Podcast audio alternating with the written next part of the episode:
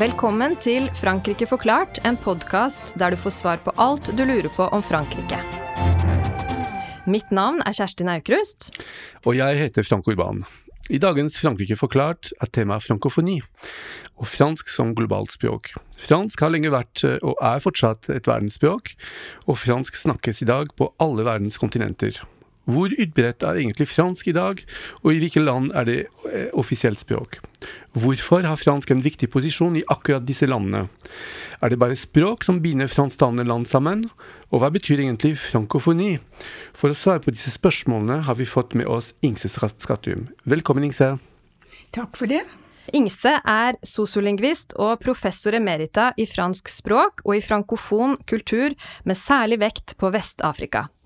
Hun er kanskje Norges fremste ekspert på frankofoni, og jobbet med dette i en årrekke ved Universitetet i Oslo, der hun bl.a. har vært ansvarlig for studieretningen Afrika sør for Sahara.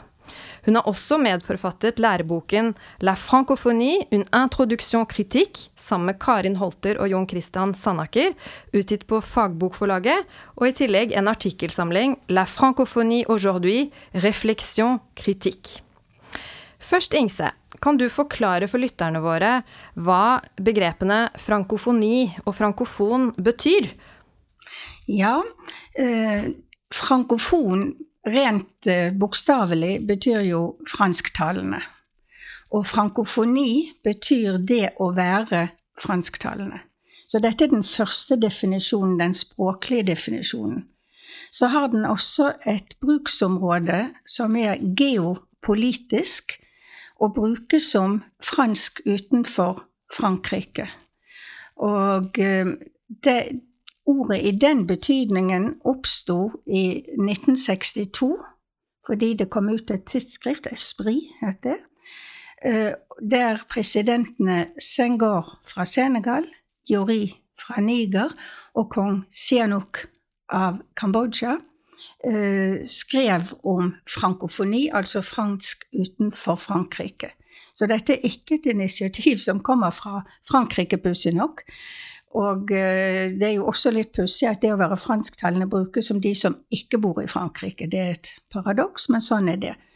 Og vi har ved universitetene etydd frankofon, fransk, eh, altså studier fra den frankofone verden, som også omhandler fransk utenfor Frankrike. Og vi har f.eks. i bokhandler i Frankrike så har de hele avdelinger for frankofon litteratur, som da kommer fra Canada, Afrika, Belgia osv. Vest-India. Så um, disse to betydningene de brukes begge. Mm. Og la oss, eh, la oss gi eh, lytterne noen, noen knagger, eh, altså noen, noen, eksempler på land da, som er frankofone. I enkelte land er jo fransk morsmål, selvfølgelig, og så har det andre land hvor det er offisielt språk av ulike grunner. Kan du si litt om, gi noen ja. eksempler? Ja? Det er, som du sier, morsmålsbrukere. Og de da kan vi snakke om den første koloniseringen som foregikk på 1600-tallet til Nord-Amerika, til Canada. Og eh, til eh, øststatene i USA. Og så har du den andre koloniseringen, som foregikk til Afrika og Vest-India. Og egentlig så kom jo den andre koloniseringen først inn som handelsfolk som seilte langs kysten av Vest-Afrika, og som grunnla eh, et handelssenter i Senegal mm, ved utløpet av floden Senegal, og som så beveget seg sørover. Og um, den tiden preges også av slavehandel. Og Slavehandelen brakte jo også med seg fransk, og mange av de slavene som ble tatt og sendt til Vest-India og til plantasjene i USA, de hadde eh, fransk som et slags handelsspråk. Altså det ble et kreolsk språk, morsmål, med fransk leksikon, med fransk ordforråd. Um, sånn at den første delen av fransk som annetspråk, hvor det ikke var morsmål, det var slavetiden. Og så kommer kolonitiden i Afrika, som begynner rundt 1850, og som varer til 1960 omtrent. Så ca. 100 år. Så det er to perioder hvor fransk blir introdusert i Afrika. Så det er en tydelig kobling da selvsagt mellom Frankrikes kolonihistorie mm, mm. og den frankofone verden. Men bare for å ta det, det fins jo frankofone land også i Europa, i ja, tillegg til Frankrike. Det gjør det, og ja. det er jo Frankrike som er kjerneområdet, også tilliggende land. Det er særlig Belgia og Sveits, hvor deler av landet har fransk som morsmål og som undervisningsspråk og som offisielt språk. I Belgia gjelder det Valoni, eller Valonia, tror jeg man sier på norsk. Ja, Valonia. Og Brussel som er tospråklig, men hvor de fleste snakker fransk. Og i Sveits så er det um, La France, La Suisse romande, eller Romandia, uh, hvor, uh, som utgjør ca. 20% av uh, befolkningen. Men dette er varianter av fransk, altså det er ikke det samme språket som man snakker i i Frankrike, ikke sant? Nei da, det, det, er klart eh, når det ble eksportert, så forandrer det seg. Akkurat som engelsk og amerikansk er blitt forskjellig, så har fransk eh, blitt forskjellig når det er blitt eksportert. Det er jo ikke så forskjellig i Sveits og Belgia, som ligger så nær Frankrike, hvor også man ofte betrakter eh, belgiske og sveitsiske forfattere som franske. Tenk på Simenon, som er belgisk, men som blir ansett som en fransk forfatter av veldig mange. Hva, hva, hva påvirker eh, språket i de ulike landene og, og, gi, og, gi, et særpreg? Ja, altså Canada er jo Canadisk um, fransk er jo mye mer forskjellig enn belgisk og sveitsisk fransk fra standardfransk. Så i Canada så har du en populær fransk som kalles joal. Og det kommer av den forvanskede uttalen av cheval, som blir joal. Og eh, de har også en standardfransk som er ganske forskjellig. Og den er egentlig um, preget av De kom jo på 1600-tallet, og de utvandret mest fra Vest-Frankrike, sånn at det er en til dels arkaisk uh, variant. Og um, så er den også påvirket av omgivelsene, av engelsk i det tilfellet. Og ehm, ja, det, det, er veldig mye forskning på eh, fransk kanadisk, altså kanadisk-fransk. Eh, de har et veldig dyktig, kompetent og utbredt forskermiljø både på den typen fransk og på tospråklighet som eh, De er rett og slett verdensledende når det gjelder tospråklighet, bilingvisme, fordi det angår dem. Og hvis du tenker på Quebec, som har vel seks millioner eh, fransktalende, så eh, slåss de jo mot et hav av engelsk som omgir dem. Og derfor er de også i den geopolitiske sammenhengen virkelige pådrivere for å beskytte fransk som morsmål. Mm. Er ikke de ganske nyskapende òg? I motsetning til fransk i Frankrike, som tar inn mange amerikanske eller engelske ord, så gjør kanalene en jobb med å skape franske ord. Jeg tenker For, eksempel, for å gi et konkret eksempel, eh, ordet 'courriel' er jo et genialt ord, eh, hvor man ikke bruker mail, men man bestemmer at man skal blande sammen Eh, courrier og elektronikk og lage ordet courriel. Og det er jo noe helt fantastisk å ivareta språket på den måten. Det er sant at de prøver å slåss, mens uh, franskmenn f.eks. sier 'weekend', så sier de 'fin de semaine'. Ja, så der er krefter for å bevare fransken og beskytte den mot engelsk, men det sniker seg inn en god del uh, anglisismer, eller altså engelske ord og vendinger. Mm, og og, du ser sikkert det samme med, i Nord-Afrika, tenker jeg, med hvordan fransk kombineres med ord fra arabiske, fra andre, andre språk? Ja, det er jo veldig mange arabiske lånord også i Frankrike, faktisk, fordi det er så mange eh, innvandrere fra Nord-Afrika. Og når du nevner Nord-Afrika, så er jo eh, Algerie eh, antagelig det landet utenfor Frankrike som har flest frankofone.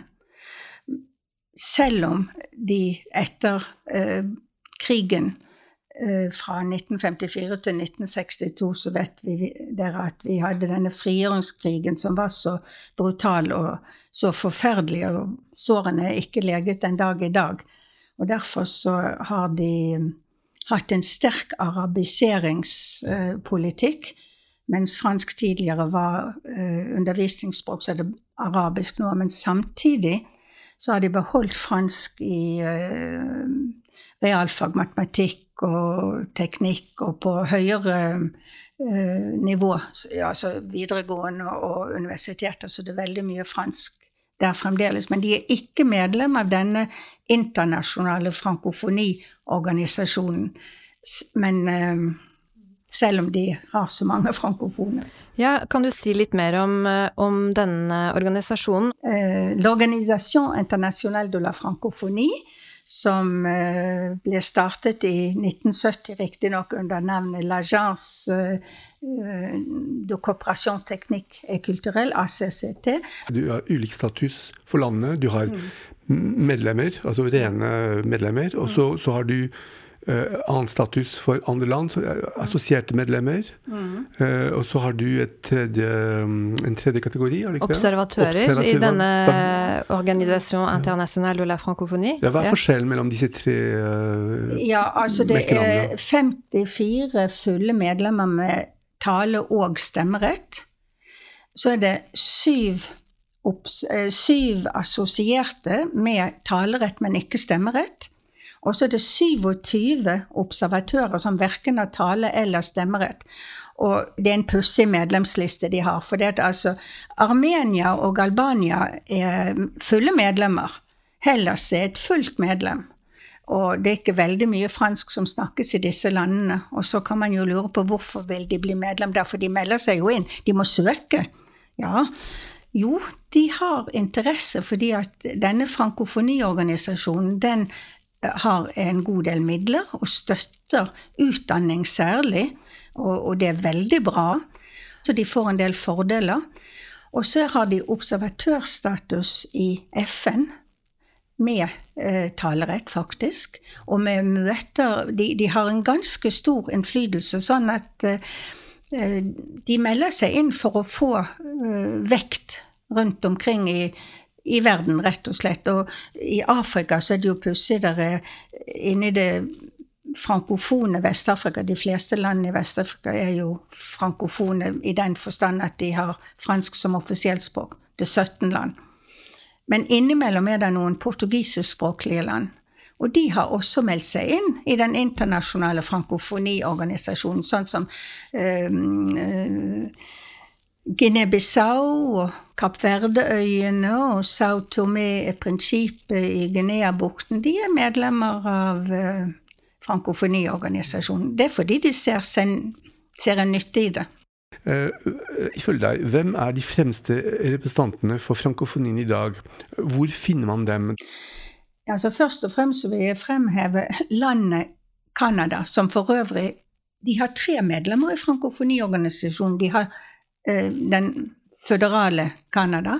Og så har de Quebec, og så har de Ny-Brunsvik, som har tospråklig offisiell status. Og Canada er veldig sterke pådrivere for frankofoniorganisasjonen og finansierer mye og har hatt flere generalsekretærer. Og så har du Belgia og Sveits, særlig Belgia, som, hvor Valonia jo står i opposisjon til den nederlandsktalende, altså det de kaller den flamske befolkningen. Så det er to nasjonalstater eller to, ja, to medlemmer som er veldig sterkt inne. Og så, eh, når det gjelder um, Personer, eh, personer Representanter for frankofonien i dag som har en viss anerkjennelse internasjonalt? Ja, det er jo kunstnere, men det var mange forfattere som egentlig vil ha seg frabedt å bli kalt frankofone. Altså det, det, er forfattere som misliker at de står i egne seksjoner i bokhandlene og blir studert for seg selv ved universitetene med frankofone studier. De vil helst være bare kategorisert som forfattere, og så bruker de fransk. Ikke som frankofone. Det liksom setter dem i en ja, Kanskje de føler som en annenrangs kategori. Når det gjelder sør for Sahara, for, ja, og i Nord-Afrika òg selvfølgelig, så er det jo litt sånn dårlige assosiasjoner til kolonitid og til nykolonialisme. Så Ja, hvilke koblinger er det mellom det å bruke eh, det franske språket f.eks. For som forfatter, eh, og være og bo i en tidligere fransk koloni? Er det, på hvilken måte kan det være problematisk? Altså, er det noe eh... Ja, de, altså frankofone forfattere har jo bl.a. laget et manifest hvor de kaller sin litteratur for litteraturmonde altså verdenslitteratur. De vil ikke eh, vite av det der frankofoni-begrepet. Og jeg selv som har innehatt en stilling i frankofoni, når jeg kommer til Afrika, så sier jeg at jeg er afrikanist. Det klinger bedre. Hvor bevisst er franskmenn egentlig på hva frankofonien er? Og hvor interessert er de i frankofonien? Ja, altså Det er ikke Frankrike som er en pådriver i frankofoni, eh, altså i denne organisasjonen Internationale de la Francophonie. Det er ikke Frankrike som pusher på der. Og um, det er som nevnt disse statene hvor franske morsmål og hvor de føler seg truet av omkringliggende språk, engelsk. Men eh, frankofoniorganisasjonen har jo, etter å ha hatt en rolle som dominerende Eh, vedtatt faktisk på et av disse toppmøtene som de har annethvert år, så har de vedtatt at de skal beskytte flerspråklighet. Det skjedde på toppmøtet i Dakar i 1997. Og det er jo også litt paradoksalt, for de har jo eh, dominert afrikanske språk. Og, og, holdt dem nede, faktisk, fordi at all undervisning har jo vært på fransk. Og så fremstår de som forsvarere av kulturelt og språklig mangfold vis-à-vis -vis engelsk. For det er mot den angelsaksifisering ja. Eh, som ja. Den, den beveggrunnen, det motivet, er, er, sterkt at de vil stå imot engelsk. Men uh, de har uh, tatt rev i seilene og, og, gjør så godt de kan for også å støtte f.eks. afrikanske språk. Uh, som jo Det er jo mange store afrikanske språk med 20-30 millioner språkbrukere, så det er, jo, det er jo ikke noen små stammespråk. Det er store internasjonale språk som snakkes i et titalls land, f.eks. mandingspråk i Vest-Afrika, eller swahili i Øst-Afrika. Det snakkes jo også i noen av de tidligere belgiske koloniene. Um, Demokratiske republikken Kongo, Rwanda, Burundi. Så um, Frankofoniorganisasjonen prøver å, å, være mer eh, forståelsesfull og lydhøre overfor de behovene afrikanske stater har for å fremme sine egne språk. Klarer Frankrike og klarer franskmenn å ha et forhold til frankofonien som er, som er fritt for kolonialistisk tenkning eller postkolonialistisk tenkning? Er det fortsatt noe som henger igjen fra kolonitiden, eller har man innsett det mangfoldet som frankofonien og, kulturen representerer, og har man klart å ta avstand fra uh, den historiske ballasten, på en måte? Ja, altså Frankofoniorganisasjonen har jo ikke tatt avstand, men det har jo presidenten i Frankrike gjort. Ja, altså Under Sarkozy var det motsatt, at da skulle det stå at Frankrike hadde hatt en positiv innflytelse. Men Macron har jo beklaget og sagt f.eks. at slaveriet var eh, en forbrytelse mot menneskeheten. Um, så frankofoniorganisasjonen den gjør så godt den kan, og den legger veldig stor vekt på utviklingshjelp. Så den har eh, Formålsparagrafen, den er å de, de har fire punkter. Det er at de skal støtte undervisning, at de skal støtte demokrati, og at de skal eh, bistå økonomisk. Og så er, kommer som siste og fjerde punkt at de skal eh, fremme det franske språks rolle i verden. Hva tror du om eh, frankofoniens fremtid, da? Eh, altså det er vel en, et språk eh, Fransk er vel et språk i vekst globalt, eh, globalt sett? Ja, der er det jo faktisk Jeg slo opp på websiten til den internasjonale frankofoniorganisasjonen, og de sier at 55% av de frankofone i dag finnes i Afri på det afrikanske kontinentet. Og um, hvis man da ser på demografien i Afrika, så vil jo den rollen bare bli sterkere. Og samtidig har du dette at det er fransk som annetspråk, dvs. Si det er ikke morsmål til folk. Så kompetansen er høyst variabel, helt fra sånne som Senghor, som jo uh, kom inn i Det franske akademi, og uh, forfattere som får Goncourt-prisen, Tarben Joloun f.eks., uh, og andre som behersker det franske språk til fulle. Så, men så er det de som ikke klarer skolen, og som bare greier seg så vidt det er på fransk. Så det er ikke godt å si hvordan franskens rolle i Afrika blir i fremtiden. Tror Det henger kanskje litt sammen også med penger. Vil si at eh, hvis Frankrike f.eks. vil befeste sin eh, stilling, sin innflytelse, så må man komme med penger og, og, og, støtte de landene som eh, bl.a. Uh, har franskundervisning. Kommer ikke pengene, så vil innflytelsen smuldre opp. Men dette er jo den kultursiden. Frankofonien, hvis man husker i, uh, Irak-krisen i 2003, mm. så så man at Chirac prøvde å bygge opp en allianse mot amerikanerne og George Bush mm. ved å bruke frankofonien og de frankofone, de fransktalende landene. Og eh, det har vært produsert en del bøker om frankofoniens geopolitikk. Ja, ja, ja. Mm. og det er litt sånn ønskedrøm, egentlig. At det da skal bli mer egentlig enn språk og kultur. At dette også skal kunne handle om politikk. Ehm, og hva, syns, hva, hva syns du om det? Hva ligger det av potensialet i frankofonien for å bli noe mer enn bare en klubb hvor man snakker om språk og kultur, men at man i, i større grad enn før kan begynne å snakke om stor politikk? Men det gjør man allerede, fordi at som sagt, blant de fire målsetningene så kommer språk og kultur nederst, og øverst kommer eh, geopolitiske virkemidler som utviklingshjelp og undervisning og økonomi. Og eh, Frankofoniorganisasjonen, de, eh, når de staver navnet sitt, så sier de 'Organisation International de la Francophonie' med stor F. Og når det er snakk om språk, så skriver man det med liten f. Så eh, de to bøkene jeg har vært involvert i, en lærebok og en artikkelsamling, der er det med liten f. Fordi at jeg eh, er språkforsker og ikke politiker politisk eh, kommentator, men de har en viktig rolle. Og de, jo, de valgte jo f.eks. som sin første generalsekretær valgte de Boutros Boutros Ghali fra Egypt. Han var da tidligere generalsekretær i FN. Så de ga organisasjonen en politisk rolle ved hjelp av eh, dette valget. På slutten av hver episode så ber vi vår gjest om å komme med en eh, fransk anbefaling. Hva er din anbefaling til våre lyttere, Ingse? Ja, da går jeg inn på Algerikrigen og en strålende bok som nylig er oversatt til norsk. Alice Zenitaire, eh, 'L'art de perdre', kunsten å miste. Og eh, forfatteren har en bakgrunn som ligner på hovedpersonens, men det er altså fiksjon. For hun er eh, barnebarn av en såkalt harki.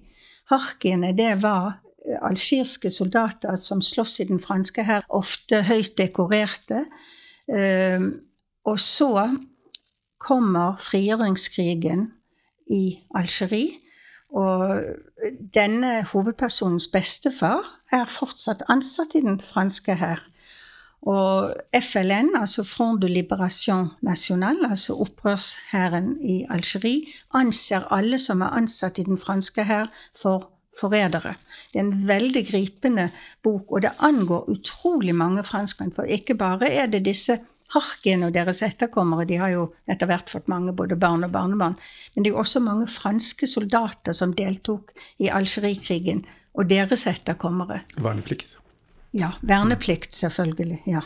Så, så det er veldig mange som har Algerikrigen veldig under huden, faktisk. Det er en viktig bok. Veldig informativ og glitrende godt skrevet. Og ja, det gjorde stort inntrykk på meg. Takk skal du ha. Frank, har du også en liten anbefaling? Ja, det har jeg, Kjerstin. Eh, jeg anbefaler en artikkel publisert i 2015 i tidsskriftet Geoøkonomi.